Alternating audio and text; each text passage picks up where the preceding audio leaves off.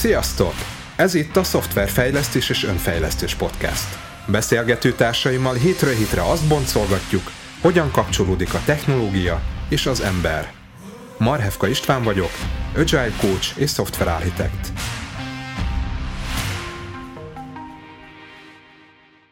A mai adásban beszélgető partnerem Palóc István, röviden csak PP, aki CI/CD expertként, tanácsadóként dolgozik a piacon. PP-vel már több mint tíz éve ismerjük eh, egymást szakmai berkekből, bár igaz, éles projekten még nem dolgoztunk együtt, mégis eh, időről időre mély szakmai diskurzusokat folytatunk a, felmerülő eh, témákról. PP, kérlek mutatkozz be, mivel foglalkozol most? Jelenleg tanácsadással foglalkozom, általában három fő topik az, amivel foglalkozom. Egyrészt a, a hasztaszintet nézzük, hogy egy egyéni fejlesztő, akkor általában az új módszertanok, eszközök bevezetésével foglalkozom, azoknak a tanításával, elsajátításával. Van egy másik rész, amikor avval foglalkozom, hogy egy kisebb cég elkezd nagyobbra nőni, és akkor hogyan lesz egy három-négy egymás mellett dolgozó emberből egy csapat, és ezt hogyan fogják fejleszteni, mit kell ehhez megtenniük. És harmadrészt pedig általában a, az ügyfél és a, a fejlesztők közötti kommunikációt igyekszem segíteni, ez általában tipikus problémáktól terhelt, és viszonylag könnyedén orvosolható, amikor mind a két fél számára az a cél, hogy működjön a kapcsolat tovább. Amiért én azt gondolom, hogy nagyon jókat tudunk beszélgetni, az az, hogy szemmeveledén általában olyan cégebe dolgozom, ahol nem hosszabb lélegzetvételű nagyobb projektek fejlesztése zajlik, hanem rövidebb, kisebb fejlesztés zajlik általában egy fejlesztő van, úgyhogy egy napon belül négy-öt projekt között vált és úgy dolgozik. Uh-huh. Köszönöm szépen a, a bemutatkozást, azért azt mondd el még a, a kedves hallgatóknak, hogy hol lehet téged elérni, hogyha követni szeretnének téged. Tudom, blogolsz, közösséget építesz, sok helyen fellépsz. Igen, hát én azt javasolnám, hogy Palócú keresztül el fognak tudni érni, minden elérhetőségem megvan, és hogyha lehet, akkor majd betesszük a podcast alá is ezt az elérhetőséget. Oké, okay, köszönöm a bemutatkozást, és köszi egyébként a felvezetést is, mert valóban Ugyan mind a ketten szoftverfejlesztők vagyunk PP-vel, azonban eh, kicsit más a fókuszunként, főleg eh, nagyvállalati szoftverfejlesztésben dolgoztam az elmúlt 15 eh, évben, PP pedig inkább a KKV-k felől tapasztalta meg milyen, a, milyen az ipar, és emiatt kicsit más a rálátásunk a dolgokban, de pont ezért gondoltam, hogy ez egy érdekes beszélgetés lehet, és talán tudtak ebből mindannyian profitálni. PP-vel átbeszéltünk lehetséges témákat, és van egy olyan témakör, ami mindannyiunkat nagyon érdekel, ez pedig az, hogy a fejlesztőknek mi a felelőssége. Honnan jön egyáltalán egyébként ez a, ez a felvetés? Hát ugye Ideális esetben ugye minden megy olajozottan, minden szépen, amit a fejlesztő megcsinál, azután kikerül egyből élesbe, és mindenki boldog, de általában ugye nem ez történik, hanem mindig kis porszemek belekerülnek a gépezetbe, és ilyenkor sajnos hát gyakran előfordul az, hogy egymásra mutogatnak a szereplők, hogy vajon kinek a hibájából történt mondjuk egy hiba a rendszerben, és nagyon érdekes azt megfigyelni, hogy hogyan reagálnak ilyenkor a fejlesztők, hogyan látják saját magukat ebben az egész folyamatban, hogyan, hogyan képzelik el a saját szerepüket, és azt látom egyébként, hogy ez nagyon-nagyon változó tud lenni. Neked, Pépi, mi a tapasztalatod ebben? Te hogy látod, mit gondolnak a fejlesztők, hogy nekik meddig tart a, a munkájuk, a, a munkaköri felelősségük? Igen, én általában azt szoktam mondani, hogy amikor már a felelősséget nézzük, akkor már egy picit késő a dolog. Én a megelőzésben hiszek, és azt gondolom, hogy nem feltétlenül arról érdemes beszélni, hogy ki mit hibázott, és ki ezért a hibáért felelős, hanem, hanem még mielőtt neki látnánk valamire, érdemes lenne tisztázni azt, hogy hogy ki miért felel, mi az, amit meg kell tennie, mikor kell megtennie. Tehát például mondjuk tipikus szokott lenni, hogyha csúszás van, ugye van, van ez a, a valami feladat ö, megcsúszik, akkor kinek a felelősséget? Nyilván a fejlesztő, aki rosszul mérte fel a feladatot, de ő meg azt mondja, hogy persze nem volt minden információ a rendelkezésre, stb. stb. És itt, itt itt már tetten érhető, hogy nem is mindig lehet úgy egyértelműen megmondani, hogy nem is érdemes beszélni arról, hogy kinek a felelőssége, de hogyha mit tudom én, van egy, van egy tíz órás feladat, és mondjuk azért én azt gondolom, hogy egy, fele, egy fejlesztőnek az ötödik órába, tehát a felénél már tudnia kell, hogy a 10 órát befejezi, vagy, vagy jelentős csúszás lesz. Nyilván az, hogy a 11-12 órát fejezi be, az nem érdekes, de hogyha mondjuk látja akkor, hogy ez bizony 50-100 óra lesz ez a fejlesztés, akkor, akkor neki ezt jeleznie kell. Ugyanakkor, hogyha ha nem jelzi, és mondjuk már a 30. órán is túl van egy ilyen ö, fejlesztés, akkor azért fölveti azt a kérdést, hogy az a projektmenedzser, akinek ugye az lenne a dolga, hogy ezt ö, figyelje, és észrevegye, hogy egy ilyen jelentős túlcsúszás van, akkor ott, ott már azt gondolom, hogy az ő felelősség is ö, fölmerül.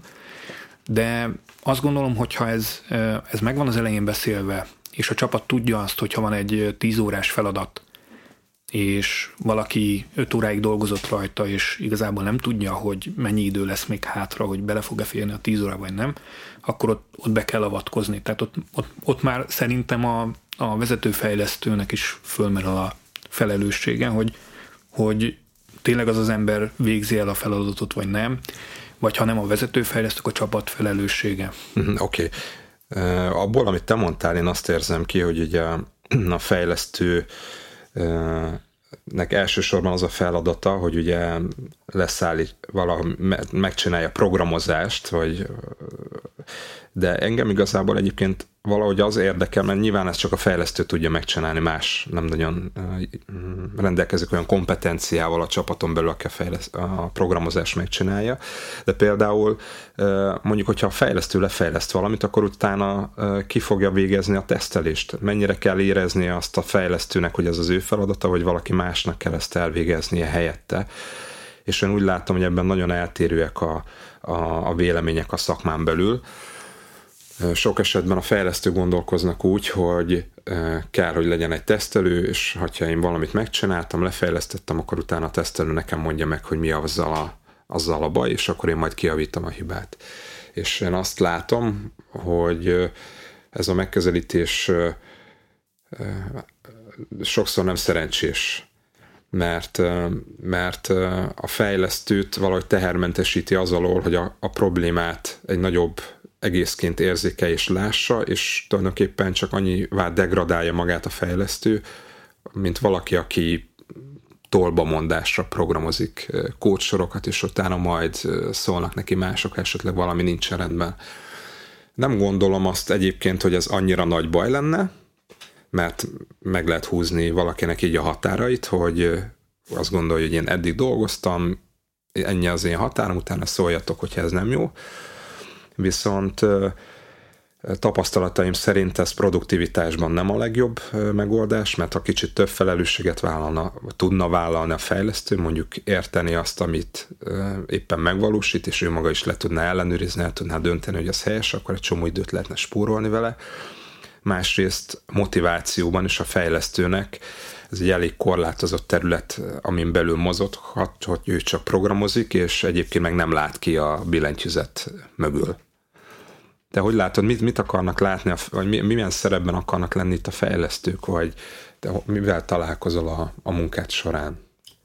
I, igen, itt, itt mielőtt ránk arra a kérdésre, hogy felelősségvállalás, hogy mennyi ö, felelősséget akar egy ember vállalni, és lehet elvárni tőle, hogy vállaljon, az, azelőtt én azt mondanám, hogy hogy valamennyire én szétbontanám két részre ezt a dolgot. Ugye van a, van a minimálisan elvárható, meg van az ideálisan eh, ideális helyzet, amit fe, felé szerintem te is, meg én is közelítünk. Talán az a különbség kettőnk közül, hogy mennyi, mennyit engedünk a minimális felé ebből a tekintetből. Én azt gondolom, hogy én nem, vagyis igazából nem tudom elképzelni azt, hogy van-e, van olyan fejlesztő, aki leül, beírja a kódsorokat, és soha egyszer sem próbálja ki. Tehát, hogy tehát, tehát hogy, hogy beküld... Pedig én már láttam ilyet. Igen, tehát va, van olyan, amikor az ember beküldi csak úgy valamit, és akkor, akkor majd a CI szól, hogy, hogy le se lehet fordítani, de, de hogy mondjam, tehát azért vala, tehát mondom, hogy nem, mivel nem így dolgozom, igazából nem tudom elképzelni azt, hogy valaki egy nagyobb lélegzetvételű feladatot, nem egy, nem egy 10 perces munkát, hanem mondjuk egy egy-két napos munkára, munkát úgy végezne, hogy egyszer se próbálja ki. ezért azt gondolom, hogy, hogy, hogy minden fejlesztő valamilyen szinten teszteli is a munkáját, mert, mert ha nem tenné, akkor fölmerül a kérdés bennem, hogy honnan tudja, hogy, hogy kész van az a feladat. Befejezte. Igen, vagy, vagy ha lehet olyan feladatot adni, ami arról szól, hogy van egy feladat, és ő begépeli a kódsorokat, akkor akkor az minek kell egy fejlesztő, tehát az, az valószínűleg egy, egy gépíró is meg tudja csinálni, tehát hogy, hogy az nem egy ilyen túl nagy dolog. De azt gondolom, visszatérve a minimumra, hogy, hogy egy feladatnak van egy ilyen, ilyen happy path, egy ilyen minimum, ami, amire azt mondjuk, hogy ha minden, minden jó, akkor ennek kell mennie. Tehát például, hogyha mondjuk egy regisztrációról van szólva, megad, megad egy jó e-mail címet, akkor kimegy neki az e-mail, rákattint a linkre, akkor, akkor az jóvá hagyódik. Nem, nem feltétlenül várjuk el a fejlesztőtől, hogy végig gondolja azt, hogy mi van akkor, hogyha rossz e-mail címet adott meg, mi van akkor, hogyha nem kattint soha a linkre, mi történjen, mi történjen akkor, hogyha kattint a linkre, de csak máskor, vagy le, lehagy belőle véletlen egy karaktert, mert úgy töri meg az e-mail, hogy kimaradt. Tehát, hogy, hogy azt mondjuk, hogy, hogy ezt, ezt én el tudnám fogadni, hogy azt mondjuk egy nem foglalkozik a fejlesztő, és ezekkel mondjuk foglalkozik az, aki megtervezte az alkalmazást. Ezt nem tartom életszerűnek, de el tudom fogadni, hogyha valamelyik cég így működik. És utána minden egyéb ilyen dolgot, ami, amire én azt szoktam mondani, hogy a felhasználó fejével való gondolkodás, az az, amit a, a minőségbiztosítású szakemberre hagyunk rá. Ő az, aki, aki inkább ilyen felhasználó szemmel nézi az alkalmazásunkat. Na most ideális esetben én azt gondolom, hogy, hogy igenis a fejlesztőnek feladata az, hogy gondoljon azokra a dolgokra, ami azt jelenti, hogy részt vesz a tervezésben. Nem hiszek abba, hogy, hogy az képes lenne működni, hogy valaki megtervez valamit, és aztán valaki azt implementálja, és aztán valaki más pedig azt ellenőrzi. Tehát ilyen éles szétválasztást el tudok fogadni, hogyha valaki ezt csinálja, és erre építi föl a, a bizniszét, és így működik. Valahol úgy érzem, hogy ez nem, nem, nem egy működő dolog. Mhm. Oké. Okay. Hát nekem ugye az a nehézség ebben az egészben, hogy én, azt látom, hogy ha a fejlesztő nem akar valami miatt nagyobb felelősséget vállalni, akkor akkor nagyon, tehát nagyon sok bosszúságot okozhat ez a, ez a fajta attitűd, mire gondolok. Tehát amit például mondtál az előző esetben, hogy ott van egy regisztrációs űrlap, és ő megcsinálta a Happy Pass, hogy mi van akkor, hogyha ráklikkel a, nem tudom, a küldés gombra, és akkor, de, és mi történik akkor, hogyha nem tudom én, olyan e-mail címet adott meg a felhasználó, hogy már egyszer regisztrál van, és ő ezzel nem foglalkozott. Na most én úgy gondolom, hogy ezek olyan kérdések, vagy olyan feltételek, amit igazából, hogyha egy kicsit is belegondol annak a felhasználónak a helyzetébe a felhasználó, akkor ő ezt megismeri azt a rendszert, mert nyilván ő fejleszti, akkor ezt ki tudja találni magától, tehát neki ezt nem kell megmondani. Nekem ilyen helyzetekben, amikor ilyennel találkozom, amikor a fejlesztő nem csinálja ezt meg, akkor persze lehet, hogy valami véletlenül félrecsúszott egy ilyen is lehet, de amikor ezt már sokszor látom, akkor igazából egy olyan érzésem van, mint hogyha fejlesztőt nem is érdekelné az, amit csinál. Mert hogyha egy picit is érdekelni, akkor kicsit belegondolna abba, hogy mi történik abban a helyzetben, kicsit beleképzelni magát a felhasználónak a helyzetébe, és azért itt nem kell nagy érzelmi intelligenciával rendelkezni ahhoz, hogy kitaláljuk azt, hogy van egy olyan eset is, hogy ugyanazzal az e-mail címmel próbál valaki beregisztrálni, és akkor ilyenkor bevallom, ez, ez engem zavarni szokott, hogyha azt látom, hogy a fejlesztők ilyen attitűddel állnak a fejlesztéshez. De azt is, hogy őszinte legyek, azt is be kell vallanom, hogy nekem is változó a hozzáállásom. Tehát voltam olyan projekten, amikor magamra vállaltam azt, hogy megismerem az egész üzleti domént, a megrendelővel egyeztettem, üzleti szakértővé nem váltam, hiszen azt sosem lehetek, anélkül, hogy ne csinálnám azt a domént, amit ő csinál, de mondjuk három év alatt elég jól megismertem a domént, elég jól tudtam rendszerezni, meg tudtam értetni bárkivel a fejlesztők közül, én magam is fejlesztőként dolgoztam a projekten, tehát minden döntést meg tudtam hozni, meg tudtunk hozni a fejlesztő csapaton belül, nem kellett külső segítséget hívni, és én azt láttam, hogy ez, ez a csapatban is extra elkötelezettséget ad, hiszen látják, hogy mi a munkáiknak az értelme, hogy mi az, amiért dolgoznak. De volt olyan helyzet is, amikor mondjuk ültem egy, egy nagy banknak a egyik termináljánál, a bevizsgált banki számítógépen, ahol még egy Stack Overflow-t se lehetett megnyitni, és olyan alacsony volt a motivációm, hogy rohadtul nem érdekelt az, az, hogy az a kód, amit éppen írok, az működni fog, vagy nem, mert egyszerűen úgy éreztem, hogy nem lehet meg az a, a tudásom, elzárják előlem, hogy én felelősségteljesen tudjak dönteni, és akkor úgy voltam bele, hogy akkor úgy is csinálom a munkámat. Én, én azt akarom ezzel mondani, hogy szerintem ez egy döntés is a, a fejlesztő részéről, hogy hogyan szeretne részt venni egy ilyen ö, működésben, hogy szeretne nagyobb felelősséget vállalni, vagy nem, és persze a környezet ezt nagyban meghatározza. Neked voltak ezzel kapcsolatosan saját tapasztalataid? Hát én azt gondolom, hogy a környezet az nagyon ö, fontos, és úgy itt, itt ö, én, én azt láttam, hogy nem leépül, hanem leépítik ezeket a dolgokat. Tehát amikor van egy fejlesztő, és, és mondjuk az ügyfélnek mond ilyen dolgokat, na de mi van ha, mi van ha, mi van ha, és akkor mondjuk az ügyféltől azt kapja vissza, hogy, hogy ne kötekedjen már, ennek holnapra kin kell lenni élesbe, és így kell lenni, ahogy leírtuk, mert végig gondoltuk, és, és kész.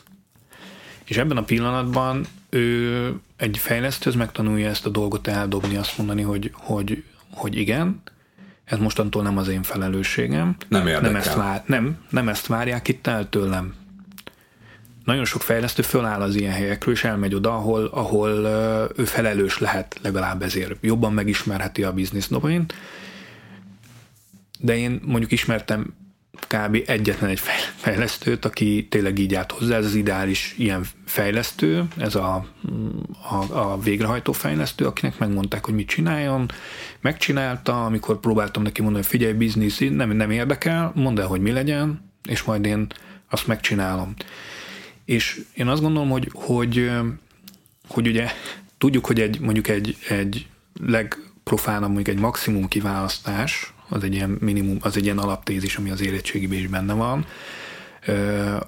Nem azt kell tudnia a fejlesztőnek, hogy, hogy lekódoljon egy maximum kiválasztás, hanem azért a fejlesztőtől azt is elvárjuk, hogy az élet problémáira tudja azt, hogy az, arra az a válasz, hogy ezt a maximum kiválasztást kell megírni. És abban a pillanatban, hogy ezt nem várjuk el tőle, és azt mondja, hogy ez nem az ő felelősség, akkor én azt gondolom, hogy ő nem fejlesztő, hanem, hanem egy olyan valaki, akit körülbelül hát maximum öt éven belül egy mesterséges intelligencia fog helyettesíteni. Sőt, már igazából most is helyettesíti, mert nem, e, ezekre nincs, nincs szükség.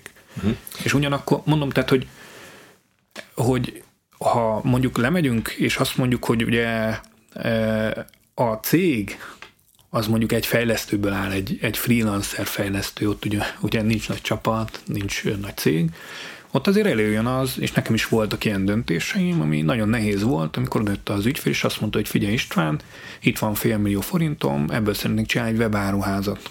És akkor azt, azt, azt el kell döntened, hogy a, megcsinálod ezt a webáruházat, vagy megkérdezed az ügyféltől, hogy, hogy van-e üzleti terve, és amikor csillogó szemben rád néz, hogy akkor hú, üzleti terv, nem is hallott még erről, mondjak már róla pár szót, van-e marketing terv, marketing terv, tehát hogy, hogy látszod, tehát tudod azt, hogy ha elkölt ezt a félmillió forintot ez az ember, és megcsinál neki ezt a bemáruházat, akkor, akkor igazából ő kidobja a pénzét az ablakon. És, és ez egy nehéz döntés, hogy odaállsz, és megírod úgy a szerződést, hogy oké okay legyen, vagy azt mondod, hogy bocs, ebben nem szeretnék részt venni. És azt gondolom, hogy az én életem során nagyon sok ö, olyan céggel kerültem kapcsolatba, és olyan cégbe dolgoztam, és olyan céget csináltam annak idején, amikor volt saját cégem, aki ezekre a, a munkákra a nemet mondott. Tehát amikor bejött egy olyan ügyfél, akiben nem tudtunk hinni, nem tudtam elhinni, hogy ez működhet, akkor arra én nemet kellett, hogy mondjak. Uh-huh. Nemet kell mondani arra, amikor jön az ügyfél, és azt mondja, hogy megcsinálja ezt a nagyon komplex dolgot, és látod, hogy az a nagyon komplex dolog, amire ő gondol, az annyi pénzből nem lesz meg. Nem lesz meg, mert vannak a kivételek. Tehát tudod, amikor föltesz a kérdést, hogy hogy amikor mondja az ügyfél, hogy de hát ezt a korábbi fejlesztő megcsinálta, már majdnem kész, 90 százalék, csak egy picit kell dolgozni rajta, és megkezded, oké, okay, de a kivételekkel mi van? Hát avval nem, nem tudunk mit lenni. Igen, azért nem tudsz mit lenni, mert ez egy olyan probléma, aminél a kivételek fogják elvinni a 99%-át az időnek, hogy azt jól kezeld, és igazából lehetséges, hogy pont nem is fogod tudni jól kezelni, mert, mert ugye általánosítani akkor tudok, amikor van miből, ugye Szmozsár Norbert kollégám úgy fogalmazta meg, hogy egy dologból nem nagyon lehet, vagy nem érdemes általánosítani egy pontra görbét éleszteni. Igen, igen, igen, igen. Aha. Igen, egy, egyébként ezzel nagyon egyetértek én is, hogy nagyban függ ugye a cégnek a hozzáállásától azt, hogy milyen típusú projekteket vállal be, és uh, hogy mondjuk az egy nagyon nagyon feszes büdzsével kell megvalósítani, és mondjuk nem tudom, egy, egy, egy jó megoldás mondjuk többszörösébe kerülne, vagy pedig valami működőt gyorsan össze kell pattintani. Ez nyilván innentől kezdve ugye nagyon beleszkorlátozva a fejlesztős abban, hogy ugye milyen mozgástere van, és akkor ilyenkor mondhatja azt, hogy jó, akkor elengedem, nem tudok ezzel mit kezdeni, csinálok, amit tudok, és akkor a végén majd majd kijön az, vagy kiderül az, hogy mi az, ami hiányzik, azt meg majd valahogy még majd belerakjuk a végén, és akkor egy ilyen hozzáállással készül a, a megrendelés. Igen, ez, ezek, ezek hosszú távon nem biztos, hogy, hogy, hogy jók. Tehát, hogy ezek olyan kompromisszumok, amiket fölvállal sokszor egy-egy fejlesztő, pont azért, hogy ne kelljen konfrontálódnia, ami hosszú távon őt építi le. Tehát ez, ez megint egy, ez, ez egy izgalmas kérdés, hogy ez az ő felelőssége vagy ne, és akkor visszajutunk oda, hogy, hogy ha nem vállalja föl, akkor viszont le fogja őt építeni ez a dolog. Hát vagy dönthet úgy, hogy elfogadja azt, hogy a cégnek ilyen az üzleti modellje, amiben dolgozik, viszont azt látja, hogy ennek vannak bizonyos ugye korlátozó tényezői az ő számára, tehát akkor lehet, hogy egy másik cégnél tudja megtalálni azokat a projekteket, amikben meg jobban tudja érezni magát. Igen, ki tud teljesedni. Igen. Mert én azt látom, hogy hogy az ilyen nagyon beszűkített projekteknél nagyon kényszer megoldások. Tehát minél inkább be van szűkítve egy projekt, annál inkább kényszer megoldásokat csinál az ember.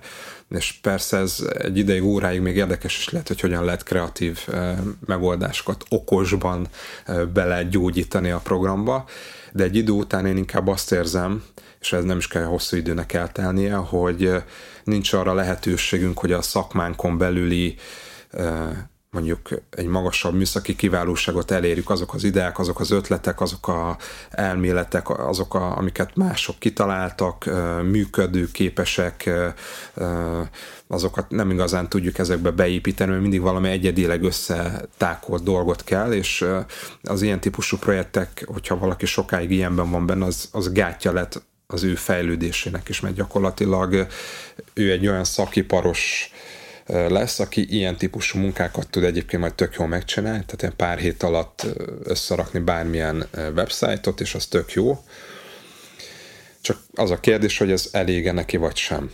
És akkor itt, itt kell neki eldöntenie, hogy ez neki teljesen jó, és akkor ő ilyeneket szeretne folytatni, csak itt ugye lesz egy kicsi probléma, hogy nagyon sokan csinálnak hasonló ilyen bizniszt, és ennek így le, megy lefelé az ára, tehát egyre kis, kevesebbért tudja elvállalni az ilyen típusú projekteket és akkor neki hol van ennek a vége, vagy pedig valamilyen magasabb hozzáadott értékű dolgot szeretne e, csinálni, ahhoz viszont ugye nagyobb volumenű projekteket is kell tudni valahogyan elvállalni.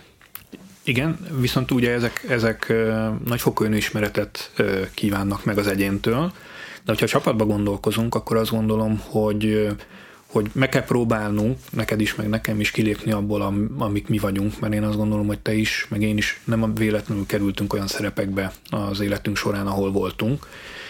Én azt gondolom, hogy, hogy az, hogy melyik ember mennyi felelősséget vállal szívesen, abban nagy, nagy különbségek vannak. És azt gondolom, hogy ha ehhez kötjük ezeknek a meglétét, tehát, hogy mondd el a véleményed, de vállald is érte a felelősséget, ez egy tök jogos elvárás, ugyanakkor, hogyha azt nézem meg, hogy mondjuk egy csapaton belül nagyon sok dolog azért nem feltétlen fog kijönni, mert ezt beletesszük ezt a gátat, akkor simán jól tud működni, és ez már egy másik adás témája lesz, hogy azt mondom, hogy lesz egy csapatom, és lesz egy vezetőfejlesztő, az a vezetőfejlesztő, aki mondjuk a felelősséget vállalja a döntésekért, viszont az ő dolga az lesz, hogy a csapatból kipréselje ezeket a dolgokat, amit könnyedén meg fog tudni tenni, mert ugye a csapatnak, az csapatban lévő egyéneknek nem kell vállalniuk a felelősséget azokért a döntésekért, amiket, vagy akár a véleményekért, amiket hoznak. Persze ez nyilván az kell, hogy utána a vezetőfejlesztő ezt ne pattintsa vissza, te mondtad Sanyi, hogy így jó lesz, hanem, hanem elfogadni, hogy Sanyi ezt mondta, hogy úgy jó lesz, körbejártuk a kérdést, ott volt mindenki, végül Sanyi ötletét választottuk, most nem jött be. 15 másik esetben bejött, most nem jött be, de ez nem a Sanyi felelőssége, hanem ez a csapaté, inkluzíva vezetőjé, és ebben lehetővé tettük azt, hogy Sanyi, akit azért vettünk föl, mert egy tök jó szakember, de ő nem egy vezető, nem, nem egy menedzser, nem egy olyan ember, aki, aki a felelősséget akar és szívesen vállal, hanem egy tök jó szakember, ő el tudja mondani nyugodtan az véleményét, el tud mondani, hozhat olyan döntéseket, amik szakmai döntések, amik kér nyilvánvalóan valamilyen szinten fogja vállalni a felelősséget, mert ben fog maradni és meg fogja csinálni, és azt mondjuk, hogy nagyon fontos, akkor ő ezt fogja csinálni, de olyan szinten nem feltétlenül akarja vállalni a felelősséget, hogy, hogy mondjuk a fizetéséből lemenjen ez a dolog, vagy valami. Tehát mm-hmm. nem, nem egy olyan felelősségvállalást szeretne ebbe betenni. Hát nekem egyébként az a tapasztalatom, hogyha van, vannak olyan célok, amik hosszú távon képesek mozgatni az embereket, és kapnak ehhez megfelelő szabadságot, és akkor hajlandók nagyobb felelősséget is vállalni. Tehát ugye eddig leginkább az ilyen rövidebb távú projektmunkákról beszéltünk, ahol ugye egymás után jönnek ezek a projektek, pár hónapos projektek, megcsinálja egy csapat, átadják valahogy az ügyfélnek, aztán jön a következő, nem is kell már kapcsolatot tartani a régi ügyfélel, vagy csak akkor, amikor bejelent a hibát, de akkor meg gyorsan ugye tudjuk nem, mert az sosem kellemes dolog, aztán jön az újabb ügyfél. Nekem az volt a tapasztalatom, hogy az elmúlt 15 évben itt több ilyen termékfejlesztési projektben is vettem részt, amik több éves életciklusok voltak valamikor egyébként volt megrendelő, valamikor nem is volt megrendelő, mert piacnak készülő szoftverről volt szó. De ilyen esetekben ugye a terméknek mindig van valamilyen célja, és ezzel a csapat képes azonosulni. És ilyenkor az emberek sokkal lelkesebbek, ez iránt, vagy lelkesebbek tudnak lenni ez iránt a cél iránt, mint hogyha pár havonta mindig egy új projektbe bekerülnének, és sokkal jobban magukénak érzik azt a, azt a termékfejlesztést hogyha emellett még azt is láttam, hogy ahhoz, hogy egy termékfejlesztés igazán jó legyen, úgy értem, hogy szakmailag is a legkiegyensúlyozottabb, legjobb döntések szülessenek, figyelembe kell venni mindenkinek valamilyen módon a, a véleményét ebben, és hogy végül is hogyan, dönt, hogyan jut döntésre egy csapat, az egy másik kérdés, de a, ugye, hogy az Agile Manifestónak is van a, pontosan az agilis alapelveknek van az egyik pontja, ami ugye mondja, hogy a legjobb architektúrák mind önszerveződő csapatokból kerülnek ki. Én is igazából így ennek a híve vagyok, hogy, hogy hagyjuk, hogy az emberek felelősséget vállalhassanak, hogyha ezt olyan cél hogyha van egy olyan cél, ami őket érdekli, akkor, hogyha meghatározott keretek megvannak, akkor ők ezért hajlandóak önmaguktól több felelősséget vállalni. Én, én azt keresem minden, minden helyzetben, hogy hogyan tudjuk ezt a felelősség szint, ezt a felelősségi szintet, amit az egyes fejlesztők vállalnak magasabbra emelni, de nem, nem úgy, hogy most így egyedileg nyilván leülünk mindenkivel, és akkor hogyan emeljük a fizetésedet, hogy te majd több fele, hanem hogy ez hogyan jöhet belülről ez a dolog, hogyan lehet motiválni a fejlesztőket. És egyébként nemzetközi kutatások azt mutatják, hogy azoknál a szervezeteknél, ahol át tudnak állni egy ilyen fajta működésre, nagyon-nagyon kevés ember az, aki nem hajlandó ebben a rendszerben működni, és nem akar magasabb felelősséget vállalni. Ez szoftverfejlesztésen kívüli területekről, azt, hogy 15%-ot mondanak. De én alapvetően úgy vagyok, én hiszek az emberekben, tehát, hogy én azt nekem nagyon nehéz elfogadnom, hogy valaki nem akar nagyobb felelősséget vállalni. Én azt hiszem, hogy annak megvan az oka, hogy miért nem akar, és ez nem a személyiségéből be belekódolt dolog, hanem egyszerűen nem érdekli az a projekt annyira, nem érdekli az a csapat, az a cég, ahol dolgozik, nem érdekli az a technológia, lehet, hogy a szakma se érdekli, de ezt most hagyjuk, mert akkor nincs miről beszélni. De hogyha ezeket valahogyan mindegyiket valahogyan közelebb tudjuk hozni a fejlesztőhöz, akkor képes ahhoz, hogy, hogy nagyobb, képes arra, hogy nagyobb felelősséget vállaljon. És itt nagy szerepe van szerintem magának a cégnek, és aki, amiben a fejlesztő dolgozik, hogy annak a cégnek van-e valamilyen küldetéstudata, valamilyen víziója, vagy csak kilóra vállalja el a projekteket piaci alapon, amit éppen meg tudod szerezni, és éppen olcsó volt, mint valaki, ő viszi el, és akkor a fejlesztők meg vértizadnak, és persze rohadtul nincsen kedvük ebben dolgozni, mert a főnök mindig csak ilyen projekteket vállal el, és akkor csináljuk a 15. ERP rendszert, de nem úgy, hogy van egy nagyon jó modularizált kódbázisunk, ami amiben beparaméterezzük, és akkor nem tudom, meg hozzáfejlesztünk egy újabb modult, és akkor meg lesz az újabb ügyfélnek és az ERP rendszer, hanem lekopi az eddigi kódbázist, kitörölgetünk fájlokat, itt ott átírunk ifeket, gyakorlatilag leklónozzuk az eddigi dolgokat, és akkor ez lesz az új rendszer, egy, egy viszünk magunkkal egy ilyen vaskos legacy-t, ha hiba van valamelyik rendszerben, csak abban a rendszerben lesz kijavítva, az összes többiben nem. Csak azok a fejlesztők értik, akik ebben így részt vettek, és hát teljesen megértem, hogy ebben senkinek nincs kedve dolgozni. Tehát miért is vállalna nagyobb felelős? Én valamit belerakok, majd szóltok, hogyha probléma van. Ti akartátok, azt mondtátok, nem lehet újra kezdeni nulláról, nem fél bele az üzleti modellben, csak így lehet megcsinálni. Oké. Okay. Tehát, hogy, hogy azt érzem sokszor, hogy ha hogyha a cégek kicsit tudatosabban kezelnék önmaguk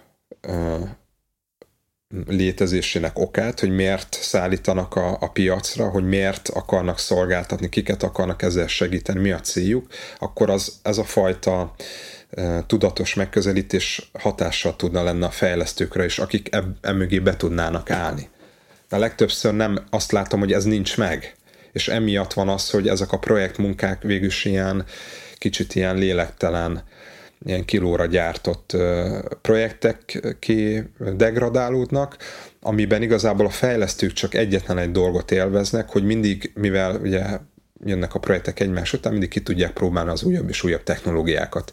És mivel pár hónapos projektről van szó, valószínűleg bele tudják rakni mindig az új dolgokat, működni fog, nem is olyan nagy látogatottságú, vagy nagy volumenű projektről van szó, tehát ki tudják próbálni, és ennek örülnek, hogy végül is így fejlődnek ezek azáltal az új technológiáknak a megismerése által.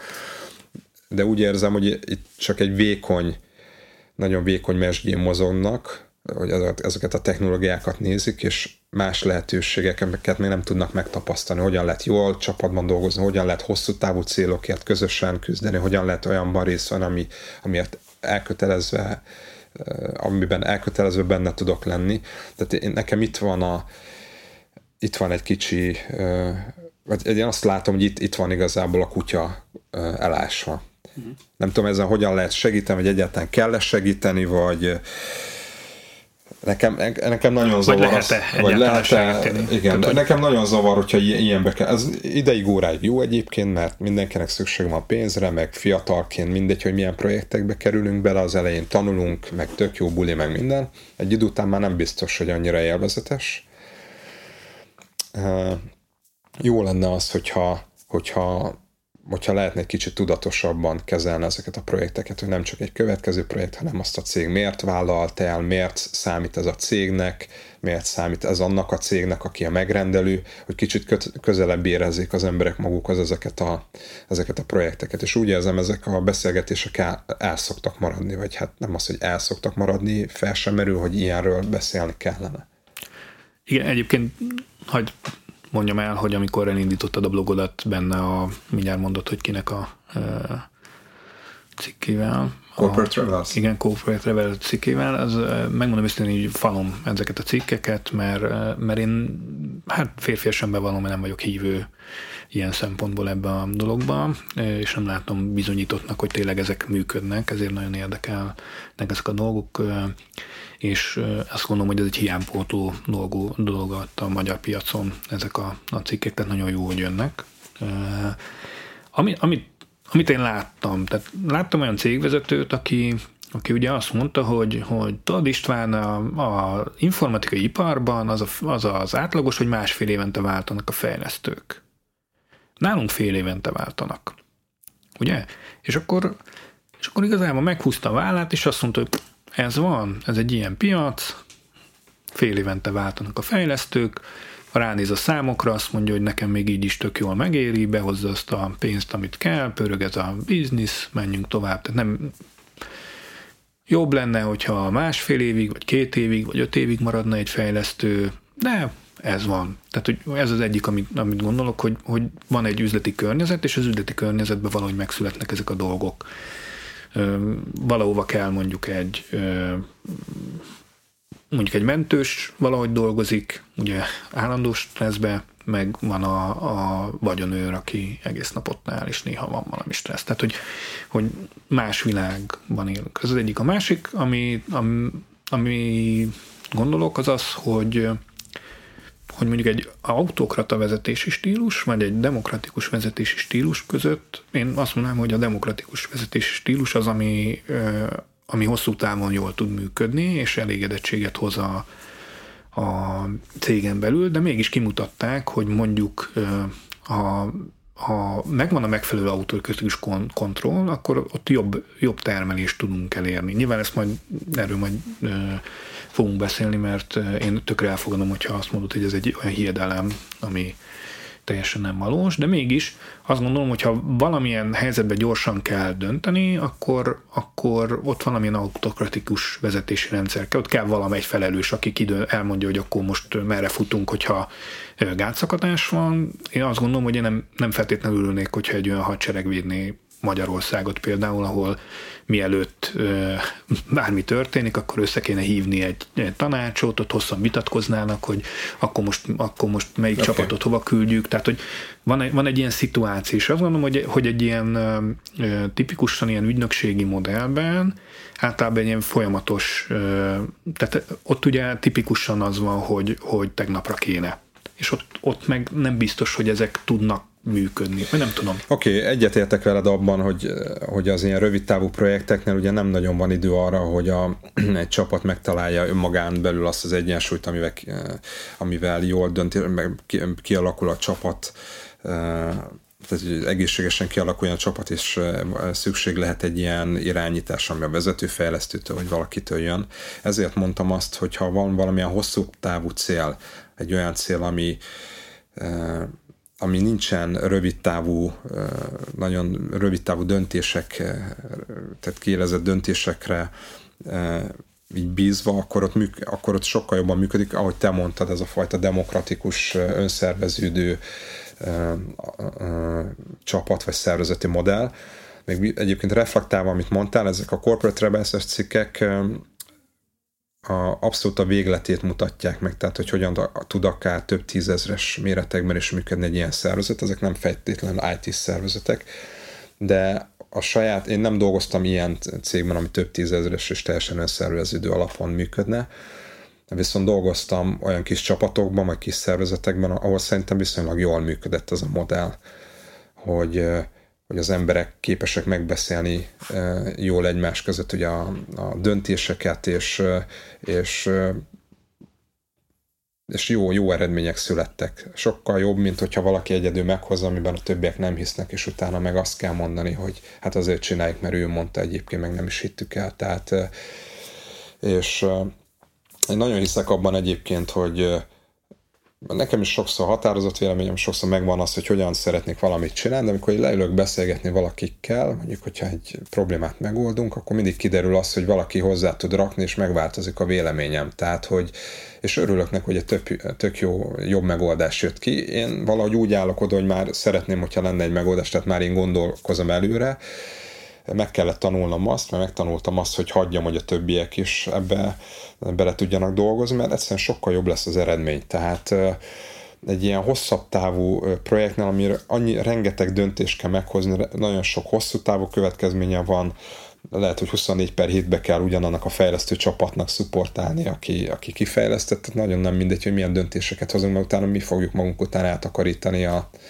szemetet meg nekünk kell a válaszolni esetleg a, az ügyfeleknek a bejelentéseire, mert dolgoztam ilyen e, csapatnál is. Ugye ez másfajta működés, mint egy projektnél, hogy áttoltam a megrendelőnek, és akkor viszontlátásra esetleg még szól, hogyha vannak hibák, azokat meg még gyorsan kiavítom. És másféle modell, tehát ahogy mondtad, hogy ugye az ügynökségi modell, amikor ugye projekteket, projektek megvalósít, ez meg ugye a hosszú távú termékfejlesztés. Én azt hiszem, hogy mind a kettőt tud tanulni a másiktól, és egyébként az ügynökségi modelleknél szerintem az a kulcsa, hogy képesek-e ott a cégen belül megtalálni azt a magot, azt a központi gondolatot, ami át tud ívelni a projektek között.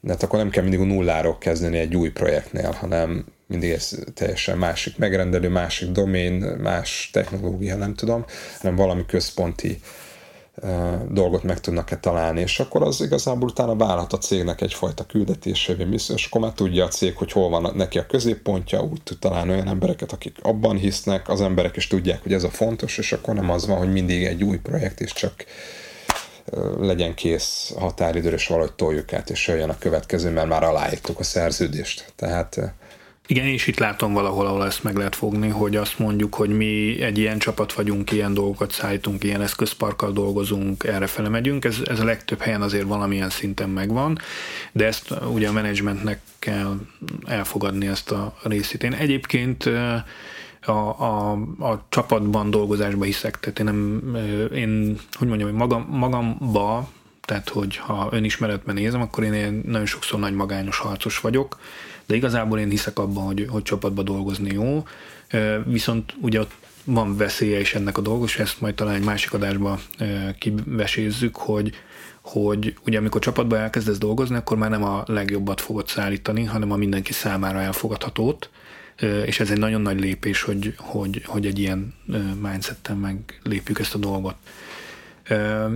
Visszatérve erre, a, én azért kedvelem a, a Corporate Rebels szikeket, mert ott tényleg arról szól, hogy egy ilyen nagyon nagy cégbe hogyan működik, mert azért lássuk be őszintén, hogy egy ötvös cégbe, ahol mindenki tulajdonos, a flat szervezet, mi flat szervezet vagyunk, az a, és működik, tehát hogy az, na, igen. az nem, nem, nem, egy olyan, hogy mondjam, nem egy olyan végtelen bizonyító erejű eredmény, amire azt tudom mondani, hogy akkor ez bármilyen méretnél jó. Tehát, hogy hogy, és, és én is általában ilyeneket látok, nem láttam még tényleg ilyen nagy szervezetet, amint megjelenik, hogy a Magyar Posta hogyan átállt fel szervezettel, azt, azt gondolom, hogy akkor, akkor az, az egy tuti bizonyíték lenne, hogy tényleg ez így működik, és, és tényleg frankó, de mondom, teljesen nyitott vagyok rá, mert nyilván nagyon sok dolog van, amit én, én nem látok, mert ugye mindannyian egy buborékba élünk. Jó, oké, lassan az adás végéhez közelítünk, érdemes lenne talán szumázni a, a gondolatokat. Ugye onnan indultunk, hogy a fejlesztőnek mi az a felelősségi kör, amit neki, vagy hogyan vállalja magára a felelősséget, hogy med, meddig akar elmenni, és azt arról beszélgettünk, hogy ez nagyon-nagyon különbözik egyénenként is, és a, és a környezettől is de ez valahogy igazából egy döntéskérdés, hogy meddig szeretnénk ezzel elmenni egyénileg ebben a dologban, és nagyon sokat számít az a cég, amiben dolgozunk, hogy a cég milyen alapon vállalja ugye a, a megbízásokat, hogy mi alapján indul bele fejlesztésekbe, ugye azok az üzleti, az az üzleti modell meghatározza azt, hogy utána a fejlesztőnek mennyi lehetősége van, hogy mindig új projektet, új stackkel, új megrendelőnek nincs folytatás ezek között. Nem ismerem utána az ügyfelet se előtte, se utána nem találkozunk, vagy, vagy, vagy valamilyen folytonosságot ebben így létre lehet-e hozni, és és hogy mennyi teret adunk arra, hogy a, a fejlesztők ideákat próbáljanak megvalósítani, ez nagyon sok ideá van ugye a, a szakmánkban a test-driven development-től kezdve continuous integration, continuous delivery, és ugye ezeket nagyon szűk büdzsével akarjuk megvalósítani, akkor ezekre nem nagyon van lehetőség, tehát nem nagyon tudjuk igazából a, a szakmánkban ezeket a technikákat ugye alkalmazni, tehát mindig csak a felszínen maradunk. És látok azt, hogy ideális esetben egy önszerveződő csapat az, ami ennek egy, egy, egy, egy másik véglete lehet, amikor ugye egy teljes csapat kap egy olyan felelősséget, hogy egy hosszú távú cél érdekében ugye ők határozzák meg, hogy hogyan valósítják meg azt a célt, és ilyenkor az egyének képesek arra, hogy túllássanak azon, hogy csak programoznak, képesek akár maguk szupportálni a rendszert, vagy ők maguk a, a ugye a megre, vagy az ügyfelekkel tartani a kapcsolatot, tehát nagyon, nagyon végletes ez a dolog. vagy hogyha nem önszervezetű csapat, akkor, akkor érdemes ténylegesen a hagyományos hierarchiába gondolkodni, hogy van valaki, aki a felelősséget vállalja, de teret biztosítunk arra, hogy felelősség mhm. nélkül is följöjjenek azok a dolgok, amiket egy önszerveződő csapatban természetes, hogyha valaki azt mondja, hogy így kell megcsinálni, ez így fog működni, akkor utána vállalja és érte a felelősséget, és nem az van, hogy, hogy, hogy mondjuk van egy ilyen command and control rendszer, és mondjátok el, hogy hogy legyen, és akkor majd én megmondom. De ti mondtátok. Tehát, hogy ezek, ezek ne legyenek, hanem, hanem legyen, legyen egy ilyen valami olyan működés, ahol ezek a dolgok följöhetnek, de ugyanakkor a felelősséget nem kell értük vállalni, ami nyilvánvalóan nem azt jelenti, hogy, hogy szakmailag nem kell helyesnek lennie ennek a dolognak. Jó, köszönöm szépen. Ez volt a Szoftverfejlesztés és Önfejlesztés podcast első adása. Köszönöm PP-nek, hogy eljött és beszélgethettünk. Én a is köszönöm a meghívást és talán nem árulok el titkot, hogy a következő adásban is együtt fogunk beszélgetni. Addig és minden jót kívánok mindenkinek. A podcastet meghallgathatjátok Spotify-on és Soundcloud-on, illetve a felvétel YouTube-on is elérhető lesz. A podcasthez tartozik egy Facebook oldal is, ha tetszett az adás, ne felejtsétek el lájkolni a Facebook oldalt és feliratkozni a YouTube csatornára. Sziasztok! Én már megtettem, úgyhogy tegyétek meg ti is. Sziasztok! Sziasztok!